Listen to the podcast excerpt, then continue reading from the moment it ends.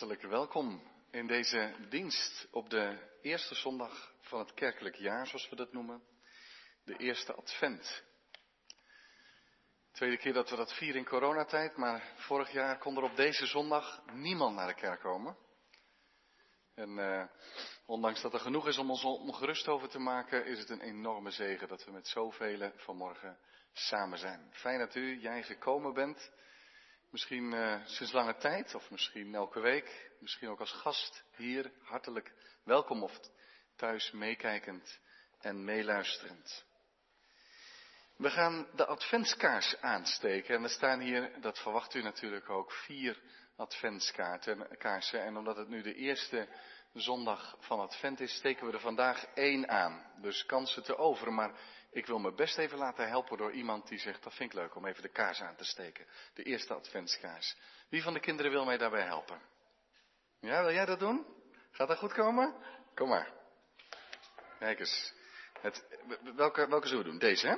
Deze moet het zijn. Dan zullen we even om me heen lopen. Dan geef ik deze aan jou. En dan moet jij op het knopje duwen en dan gaan we kijken of die aangaat. Ja, heel hard duwen, hè? Ja. Oh, kijk eens. Iets, ietsje langer. Ietsje langer nog? Ietsje langer? Ja, gaat goed. Maar hij was erbij nog één keer. Even het knopje los en dan gaan we nog een keer duwen. Ja. Ja. Daar komt Even wachten. Ja. Hij doet het. Geef maar. Heel goed. Super, dankjewel. Er zijn ook adventspakketjes. Die staan daar klaar op de toog. En we willen eigenlijk elk adres van de gemeente vragen er een mee te nemen. Daar zitten ook vier adventskaarsen in om zo ook thuis de adventstijd te markeren. Er zit ook een bemoedigende kaart in. Uh, vink uw naam even af van de adressenlijst. En kijk dan ook even of er misschien mensen in uw buurt wonen. Dat u een pakketje voor hen meebrengt. Dat scheelt straks dat er heel veel rondgereden moet worden. Dus als u voor iemand ander een pakketje mee zou kunnen nemen, uh, heel fijn. Maar vink dat dan ook af. Dat scheelt weer dubbeltjes. Er staat hier een bloemstuk. Ik ga daar niet zoveel van zeggen, dat komt straks. Maar het is een bloemstuk met een verhaal. Denk er maar vast over na wat je erin ziet. Het gaat groeien. Meer zeg ik er nu niet van. De nieuwsbrief Goed Nieuws is rondgestuurd. Als het goed is heeft u die per e-mail ontvangen. Als dat niet gelukt is, laat het even weten. Of als u zegt, ja mijn e-mailadres staat niet op de lijst, maar ik vind het wel fijn om die nieuwsbrieven te ontvangen. Dan eh, geeft u uw adres maar door, uw e-mailadres. Dan zorgen we dat u de volgende keer ook, en zelfs deze keer, goed nieuws ontvangt. We zullen na deze dienst geen koffie drinken samen. De coronamaatregelen laten ons een beetje met rust ten opzichte van vorige week. Nog steeds vanaf tien jaar mondmasker verplicht. Maar verder kunnen we samenkomen zonder uh, dat we ons aan moeten melden enzovoort. Alleen voor de koffie drinken en zo zijn er wel weer strengere regels. En dat maakt het nu een beetje ingewikkeld om dat georganiseerd te krijgen. Maar wij denken daar verder over na. Ik wens u namens de kerkraad een gezegende dienst en laten wij ons eerste lied gaan zingen. Dat is ook al een adventslied. Um, mijn hart wacht stil op u, o Heer. Uw komst verwacht ik meer en meer. Zullen we in die mogelijk gaan staan om dit met heel ons hart te zingen?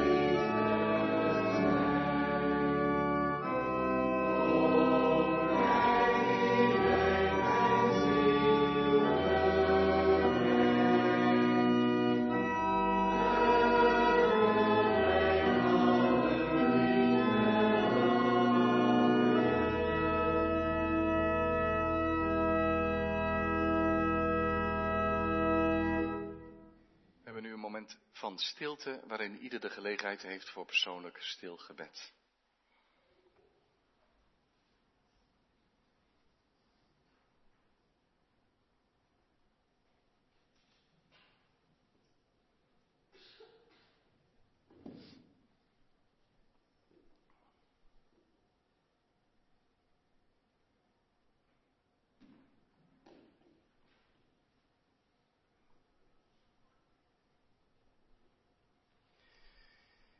Wij beleiden dat onze hulp is in de naam van de Heere die hemel en aarde geschapen heeft, die trouw houdt tot in eeuwigheid en die nooit laat varen het werk dat zijn hand begon. Amen. Gemeente, er is genade voor u, barmhartigheid, vrede van God de Vader, door Jezus Christus, onze Heere, in de gemeenschap van de Heilige Geest. Amen. Wij zingen twee versen uit Psalm 27. Mijn licht, mijn heil is Hij, mijn God en Heren.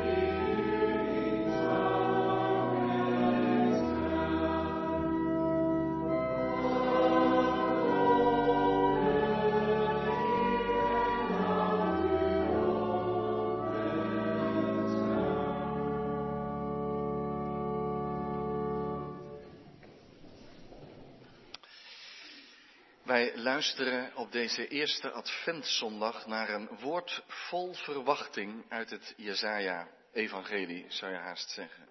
Jezaja 25, vers 8 en 9, waar staat, Hij zal de dood voor altijd verslinden. De Heere Heere zal de tranen van alle gezichten afwissen. En de smaad van zijn volk wegnemen van heel de aarde. Want de Heere heeft gesproken. Op die dag zal men zeggen, zie, Dit is onze God. Wij hebben Hem verwacht en Hij zal ons verlossen. Dit is de Heere. Wij hebben Hem verwacht. Wij zullen ons verheugen en verblijden in Zijn heil. Wij zingen nu ons adventslied, wat ook de komende diensten terug zal komen. Toekomst vol van hoop van Sela, begeleid door Rebecca, Eline en Liesje.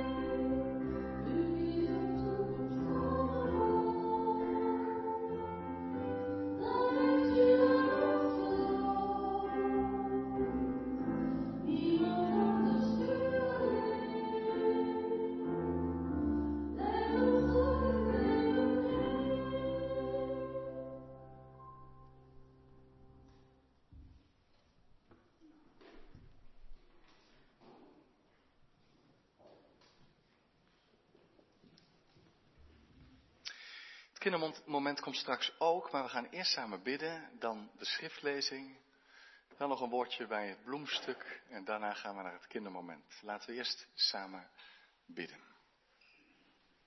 Heren, wij komen tot U. Die God, zo heilig, groot en goed.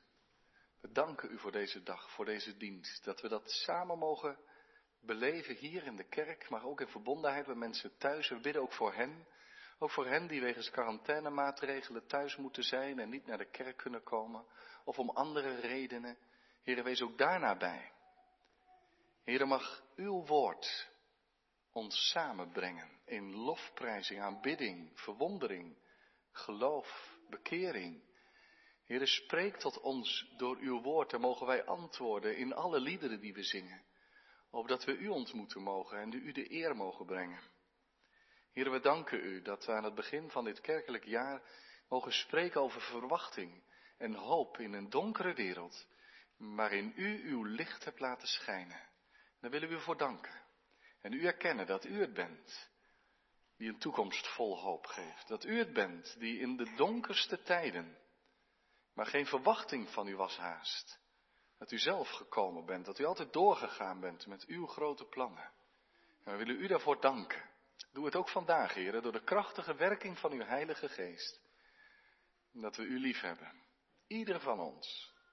Wie we ook zijn. Dat we ons tot u keren. Leven van uw genade en grote goedheid. Heer, ons hart is van huis uit zo gesloten. En ons leven met de rug naar u toe. We hebben het nodig, heren, dat u ons trekt en roept. Open ons hart, heren. Vergeef ons al onze zonden. Door het volbrachte werk van de Heer Jezus Christus. Dan mogen wij elke dag opstaan in een nieuwe leven. Vervul ons met uw Heilige Geest. Zegen ons zoals we hier samen zijn, maar ook met uw wereldwijde kerk. Geef ons een wijd zicht, Heer, op hoe u uw gemeente verzamelt. Zegen bijzondere vervolgde broeders en zusters, opdat ze volharden mogen, de kroon van het leven mogen ontvangen, maar geef hen ook veiligheid. Heer, wees bij ons. Spreek tot ons. Hoor ons gebed uit enkel genade om Jezus wil. Amen. De schriftlezing van morgen zal voor ons gelezen worden door Lieneke en is te vinden in Lucas 1 en daarvan de versen 5 tot en met 25. Uh, dus 1, uh, Lucas 1 vers 5. In de dagen van Herodes, de koning van Judea, was er een priester van de afdeling Abia, van wie de naam Zacharias was. En zijn vrouw behoorde tot de dochters van Aaron en haar naam was Elisabeth. Ze waren beide rechtvaardig voor God en wandelden onberispelijk volgens alle geboden en verordeningen van de Heere. En ze hadden geen kind, omdat Elisabeth onvruchtbaar was en ze beide op hoge leeftijd gekomen waren. Terwijl hij het priesterambt bediende voor God, toen het de beurt van zijn afdeling was, gebeurde het dat hij, volgens de gewoonte van de priesterdienst, door loting werd aangewezen om de tempel van de Heere binnen te gaan en het reukoffer te brengen. En heel de menigte van het volk was buiten aan het bidden op het uur van het reukoffer. En er verscheen aan hem een engel van de Heere, die aan de rechterzijde van het reukofferaltaar stond. En Zacharias, en toen Zacharias hem zag, raakte hij in verwarring en vrees overviel hem. Maar de engel zei tegen hem, wees niet bevreesd, Zacharias, want uw gebed is verhoord. En uw vrouw Elisabeth zal een zoon baren. En u zult hem de naam Johannes geven. En er zal blijdschap en vreugde voor u zijn. En velen zullen zich over zijn geboorte verblijden. Want hij zal groot zijn voor de Heere. Geen wijn en geen sterke drank zal hij drinken. En hij zal al van de moederschoot af met de Heilige Geest vervuld worden. En hij zal velen van de Israëlieten bekeren tot de Heere, hun God. En hij zal voor hem uitgaan in de geest en kracht van Elia, om de hart van de, het hart van de vaderen te bekeren tot de kinderen en de ongehoorzamen tot de bedachtzaamheid van de rechtvaardigen, om voor de Heere een toegerust volk gereed te maken. En Zacharias zei tegen de engel, hoe zal ik dat weten? Want ik ben oud en mijn vrouw is op hoge leeftijd gekomen. En de engel antwoordde en zei tegen hem, Ik ben Gabriel, die voor God sta, en ik ben uitgezonden om tot u te spreken en u deze dingen te verkondigen. En zie, u zult zwijgen en niet kunnen spreken tot op de dag dat deze dingen gebeurd zijn, omdat u mijn woorden niet geloofd hebt, die vervuld zullen worden op een tijd. En het volk stond te wachten op Zacharias, en ze waren verwonderd dat hij zo lang in de tempel bleef. Toen hij naar buiten kwam, kon hij niet tot hen spreken. Ze begrepen dat hij een verschijning in de tempel gezien had. Hij wenkte hun toe en bleef stom. En het gebeurde, toen de dagen van zijn dienstwerk voorbij waren, dat hij naar zijn huis ging. En na die dagen werd zijn vrouw Elisabeth zwanger. En zij verborg zich vijf maanden en zei, zo heeft de Heere voor mij gedaan in de dagen waarin hij acht op mij geslagen heeft, om mijn smaad onder de mensen weg te nemen. In Lucas 1, vers 17b lazen we, en zo zal hij voor de Heer een volk gereed maken. Ga maar aan staan, je komst is nog maar net aangekondigd en laat nog ruim negen maanden op zich wachten. En nu al wordt gesproken over wat je straks zult gaan doen. Wel met lovende woorden, die je ieder kind zou gunnen bij zijn geboorte. Velen zullen zich verheugen over je geboorte. En dan, aan het eind van de aankondiging van Gabriel de engel, dat korte zinnetje. Zo zal hij het volk gereed maken voor de Heer. Alles wat over Johannes geschreven wordt, heeft een duidelijk doel. Mensen klaarmaken voor de komst van de Heer.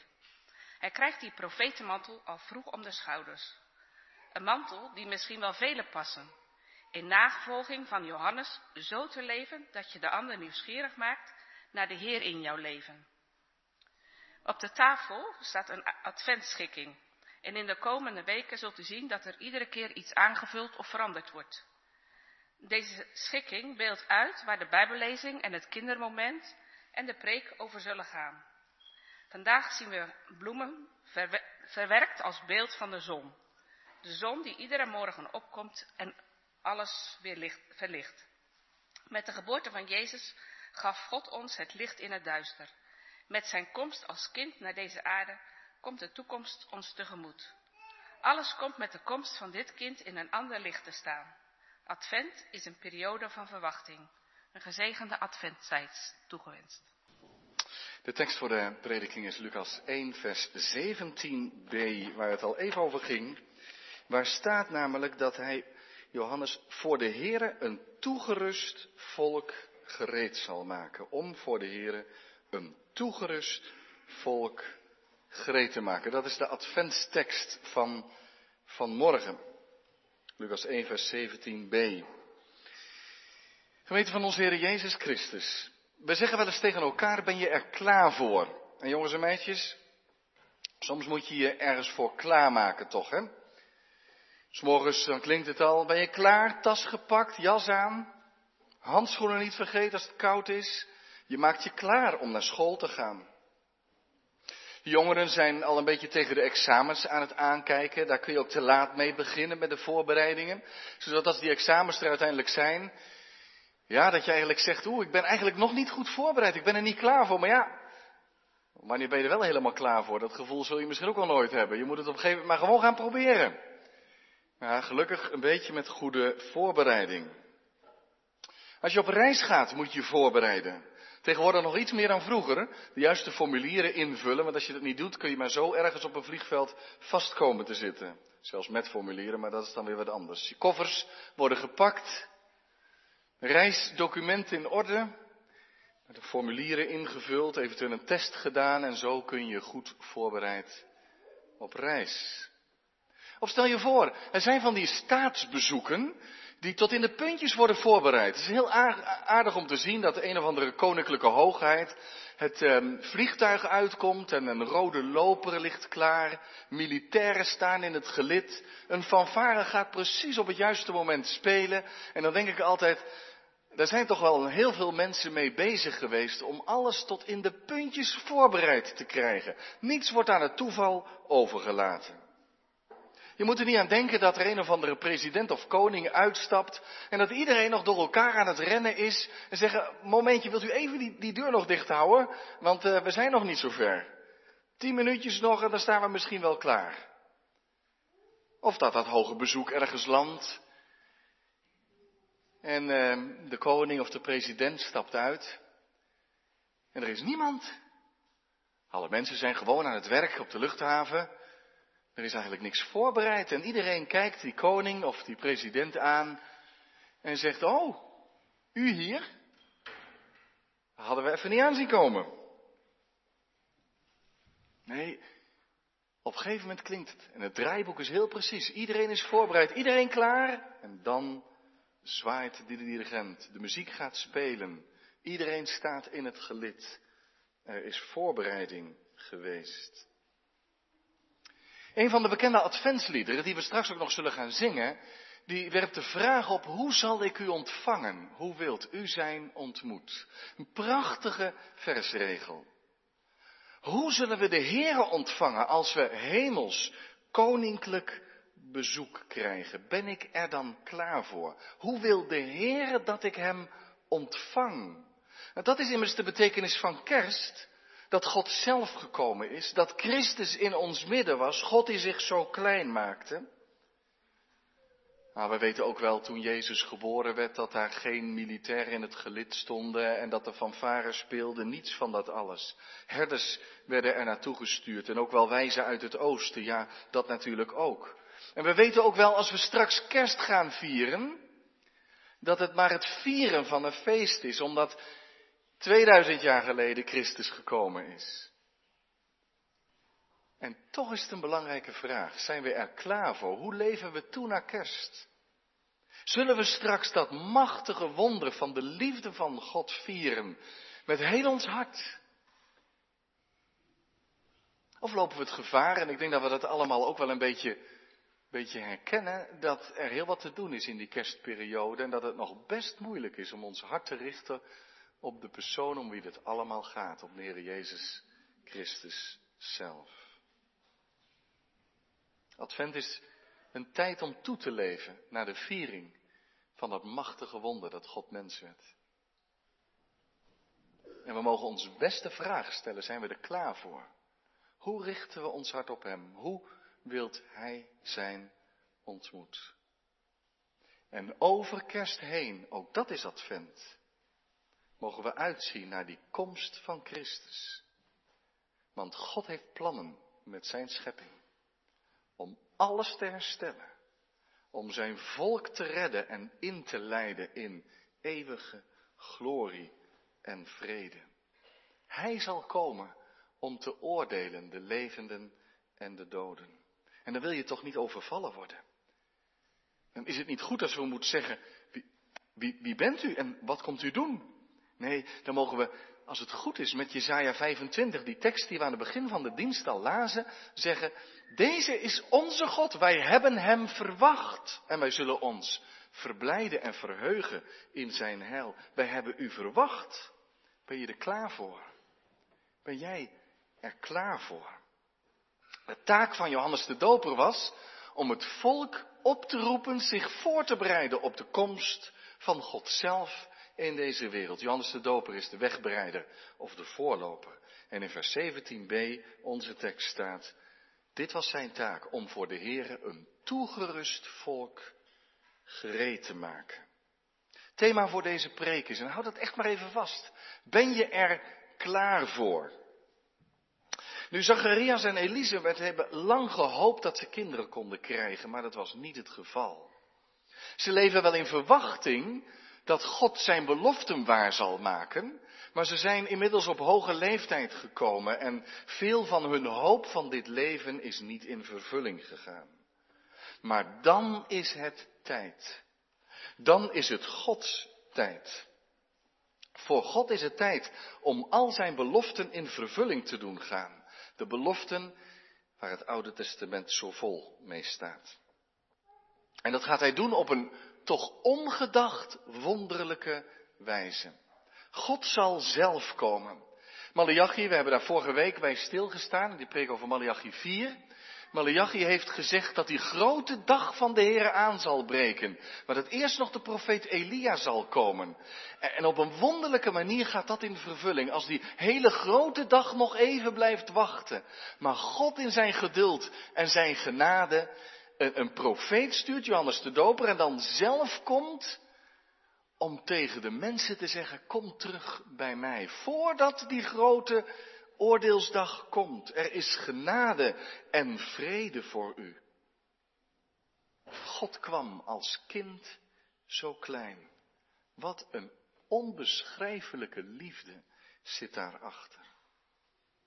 En begrijp je, dan komt het er eigenlijk nog meer op aan. Als God dat doet, hij zegt, ik laat mijn toorn rusten, ik wacht toch met mijn oordeelsdag, want ik heb één diep verlangen.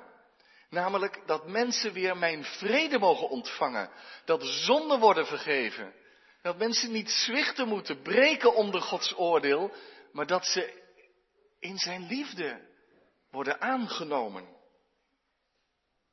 Dan wordt die regel, hoe zal ik u ontvangen, nog belangrijker. God maakt zich zo klein voor zijn zondige wereld. En gaat in die allerdonkerste nacht alles dragen, al het leed, alle schuld, om ons voor zich terug te winnen. Zie, dat moet ons brengen op onze knieën. Zo advent, zo kerstvieren. Dat we zeggen, heren, mogen we u aanbidden. Komt, laten wij aanbidden. Een engel verschijnt aan Zacharia. Jullie krijgen een zoon. En de geboorte zal een reden tot grote blijdschap zijn, staat er in vers 14. Er zal blijdschap en vreugde voor u zijn. Velen zullen zich over zijn geboorte verblijden. Dat, dat is iets dat zou elk, voor elk kind moeten gelden. Dat er blijdschap om de geboorte is. Maar bij Johannes heeft dat nog een bijzondere reden, want hij krijgt een bijzondere taak. Vers 15 zegt hij zal groot zijn voor de Heer. Geen wijn en sterke drank zal hij drinken, helemaal in beslag genomen voor zijn opdracht. En hij zal al van zijn geboorte van de moederschoot af zelfs al vervuld zijn met de Heilige Geest. En hij zal velen, vers 16, van de Israëlieten bekeren tot de Heer hun God. En dat loopt dan uit, zijn taakbeschrijving in vers 17. Hij zal voor de Heere een toegerust volk gereed maken. Dat is het doel van Johannes. Hij roept iedereen op, wees klaar. Ben je er klaar voor om je God te ontmoeten? Maar hoe dan? Hoe moet je je klaarmaken? Vers 16 zegt, hij zal velen bekeren, bekeren. Zoals zoveel profeten het volk hebben opgeroepen om zich naar God om te keren, zo zal Johannes dat ook doen als laatste profeet voor de komst van Christus. Maar wat is bekering? Weet jij het? Wat is bekering? Er zit keer in bekering, of omkeer mag je het ook noemen. Je keert je om naar God toe. Dat is bekering. Eerst sta je met de rug naar God toe. Herken je dat ook? Misschien niet omdat je van jongs af aan al met je gezicht naar God toe leeft. Dat zou een geweldige zegen zijn. Maar misschien herken je het wel. Of een beetje toch. Dat het je weinig zegt. Of dat je niets van God wil weten, of allebei tegelijk. Maar in ieder geval dat God buiten beeld is in je leven. Misschien is die er wel, maar achter je rug. Je ziet hem eigenlijk niet zo goed, want je leeft je eigen leven. Je bepaalt je eigen levenskoers. Je bent eigenlijk los van God. Met de rug naar God toe. En bekering is eigenlijk simpelweg omdraaien. Niet meer met de rug naar God toe, maar met je gezicht naar God toe.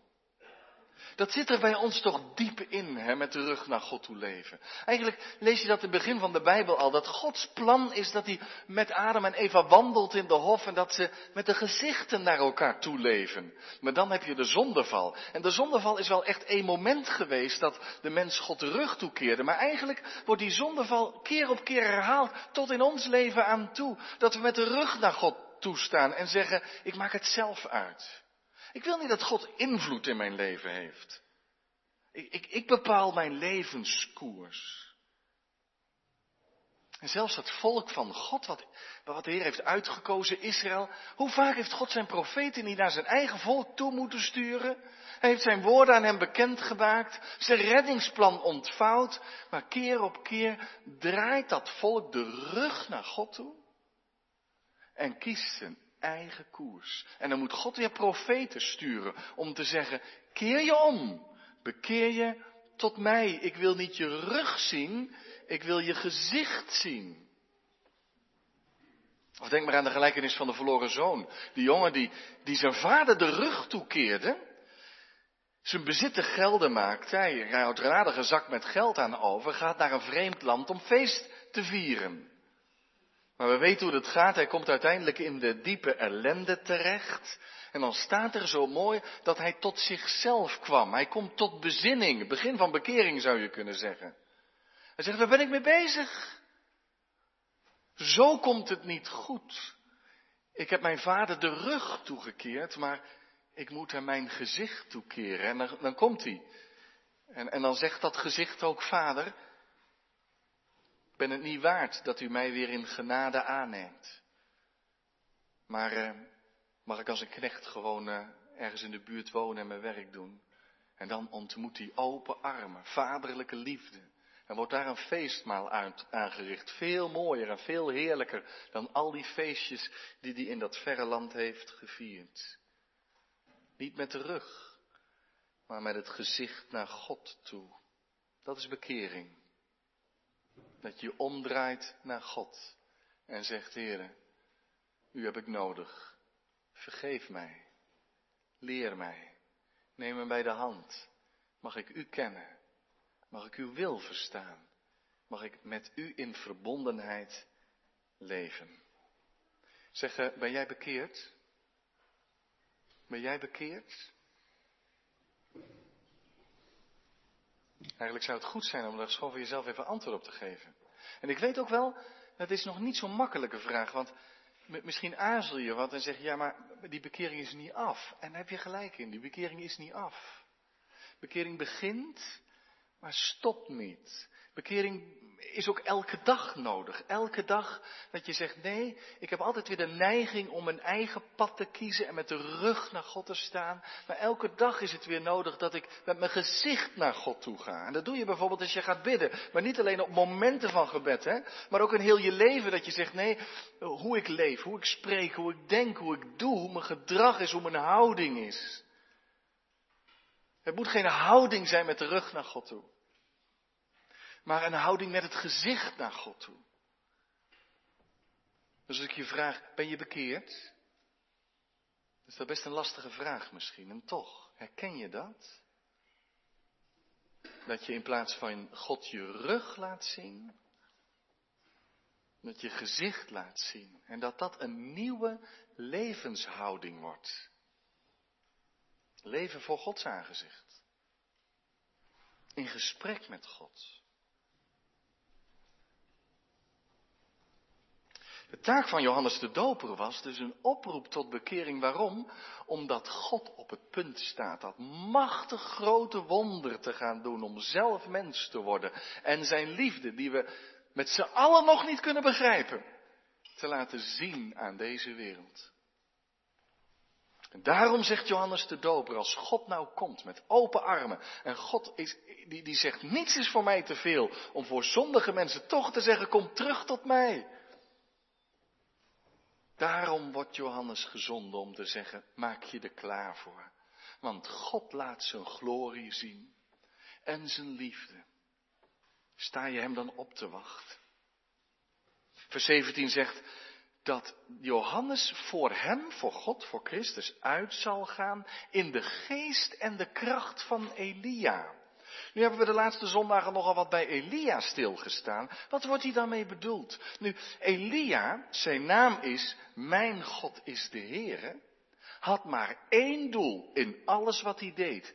Namelijk dat heel het volk zou uitroepen, de Heere is God, de Heere is God. Zo'n profeet was hij, scherp was hij en moedig was hij. Maar hij riep het volk op om te zeggen, de Heere alleen is God. En zo komt Johannes, volgens de belofte van Malachi 4, dat Elia zal komen, zo komt Johannes. Om, zo staat er in Malachi 4, het hart van de vaderen terug te brengen naar de kinderen en het hart van de kinderen naar de vaders. Waarom haal ik dat aan? Omdat het hier in vers 17 bijna ook zo staat. Hij zal voor hen uitgaan, dat is natuurlijk een verwijzing naar Malachi, in de geest en kracht van Elia om het hart van de vaderen te bekeren tot de kinderen en het hart van de ongehoorzamen tot de bedachtzaamheid van de rechtvaardigen. Is ook hele makkelijke woorden, hè? Want het is dus een aanhaling van Malachi 4, maar ook een beetje op een andere manier. Want in Malachi 4 staat het hart van de kinderen tot de vaders en van de vaders tot de kinderen. En veel mensen die dan Malachi 4 uitleggen, die zeggen, ja dat betekent dat al die verschillen in de generaties, die vallen weg. Het volk wordt een eenheid om te zeggen, hier zijn wij, o God. Wij willen niet met de rug naar u leven, maar met het gezicht. Mogen we u ontvangen? Hoe wilt u zijn ontmoet? En hier staat het iets anders. Hier staat dat het hart van de vaderen zich omkeert tot de kinderen, waarvan heel veel mensen zeggen, weet je wat dat betekent? Dat betekent dat wij moeten worden als een kind. Je kunt zo vastgeroest zijn in je denken en dan komt God zijn belofte vervullen. De heer Jezus is daar zo vaak tegen aangelopen dat ze zeiden, ja wij lezen die belofte ook, maar u kan daarvan toch niet de vervulling zijn. Je hebt je eigen denkpatronen en je staat eigenlijk niet open voor wie de Heer is en wat Hij doet in je leven. Hoe Hij zijn beloften vervult. En daarom staat hier, laten die mensen maar ontvankelijk worden. En daarom ook, als je ongehoorzaam bent, bekeer je dan tot de bedachtzaamheid van de rechtvaardige. Dat wil zeggen, een bedachtzaam mens, die slaat er acht op. Die, die denkt, heren, wie bent u? En hoe verstaan we wat u tot ons zegt? Nu, hoe je dit ook uitlegt, duidelijk is in ieder geval dat het gaat om de bekering van ons hart. Weet je waar je hart zit? Kan je wel even voelen, hè? Hier ergens. Kaboenk, kaboenk. Dat is ons hart. Maar dat wordt hier niet helemaal bedoeld. Als de Bijbel over ons hart spreekt, dan hebben ze waarschijnlijk dat woord hart gekozen, omdat dat hart van ons zo ontzettend belangrijk is. Het kloppend centrum van ons, ons lichaam zou je kunnen zeggen. En in de Bijbel is als het om ons hart gaat, trouwens in ons taalgebruik kennen we het nog steeds, hè, over hartelijk dit en hartelijk dat en een gebroken hart, om maar even zo te zeggen. Lijkt me ook niet echt een term voor een chirurg, maar wij zeggen het dan toch maar, een gebroken hart. In de Bijbel is je hart wat je wil, wie je eigenlijk bent. En als je hart tot bekering komt, dan komt er een nieuw verlangen in je leven, waardoor je zegt, heren, al is het verre van perfect in mijn leven, en dat vraagt de Heer niet eens van ons. Ja, in zijn heiligheid, maar in zijn genade wil hij alleen maar je hart. Geef me de liefde van je hart, het verlangen van je leven. Dat is het doel van de prediking van Johannes, waar we de komende weken bij stil zullen staan. Dat je hart open gaat voor God. Wij leven toe naar kerst. In deze adventstijd ben je er klaar voor. Om kerst te vieren in aanbidding. Hoef je niet mee te wachten op 25 december hoor. Mag vandaag ook. En toch. Ben je klaar voor God? Hoe is je hart? De beste voorbereiding voor kerst, en we zullen dat voorbereiden op allerlei manieren. We hopen maar dat we wat voor te bereiden hebben. Gelukkig hè, dat er maaltijden worden aangericht en er ontmoetingen zullen zijn. Wat, wat, wat, wat is dat heerlijk als dat allemaal door kan gaan. En daar kun je druk mee zijn om je voor te bereiden. Maar Johannes kijkt ons vanmorgen aan met een blik die ons doet denken aan Elia. Je kijkt ons aan en zegt er is één voorbereiding die echt nodig is en dat je je hart open is voor God. En dat wil ik u echt ook, ja je zou bijna zeggen namens Johannes, maar Johannes zegt het ook maar namens God. Wil ik u vragen, hoe is uw hart? Een belangrijke vraag, want de liefde van God is zo groot. En die oproep tot bekering lijkt zo vaak aan dovermans oren gezegd in deze wereld. Terwijl mensen maar doorleven en zeggen, oh hoor ik daar wat? Terwijl God zijn armen uitstrekt en zegt, had ik nog dieper moeten gaan om jou lief te hebben? Keer je om. Leef met je gezicht naar God. En ik wil u vragen dat concreet te maken in deze adventstijd. Heel concreet. En dat ook vandaag maar vast te stellen voor jezelf. Hoe dan? Dat je echt je afvraagt, wat betekent het morgen maandag, dinsdag, woensdag, donderdag, vrijdag, zaterdag, school, hobby, sport, vrije tijdsbesteding, relaties, familie, gezin, werk, collega's. Waar zit de week mee vol? Wat betekent het om met je gezicht naar God toe te leven? Bekeerd, omgekeerd naar God toe. In de woorden die ik spreek. Zelfs hoe ik met mijn gedachten omga. Wat laat ik toe, wat niet? Waar is mijn hart op gericht? Help me eerlijk te zijn, oprecht te wandelen, dienstbaar, vol liefde, iets van die liefde van God te weerspiegelen. Heel praktisch. Wat betekent het om morgen op school in je klas met je gezicht naar God toe te leven?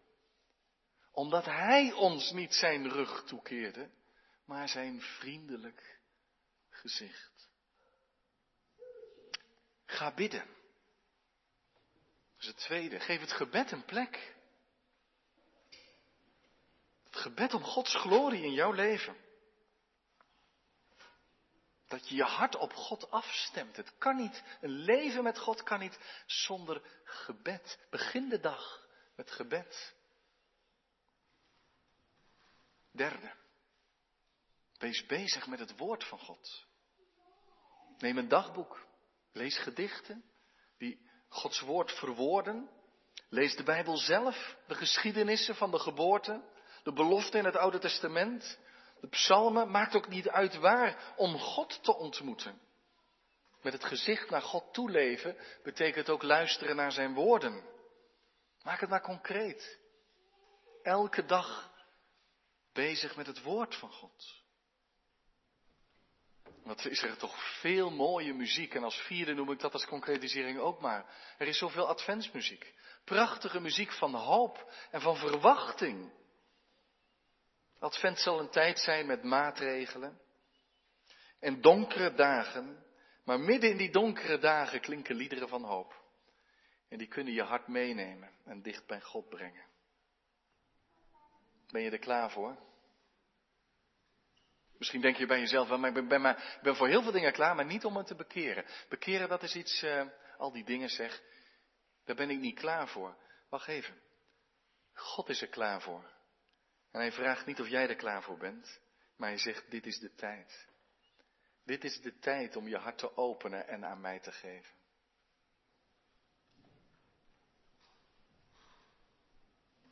Laten we het machtige wonder van kerst opnieuw gaan beleven. Met verbroken harten. In verwondering en aanbidding. Amen.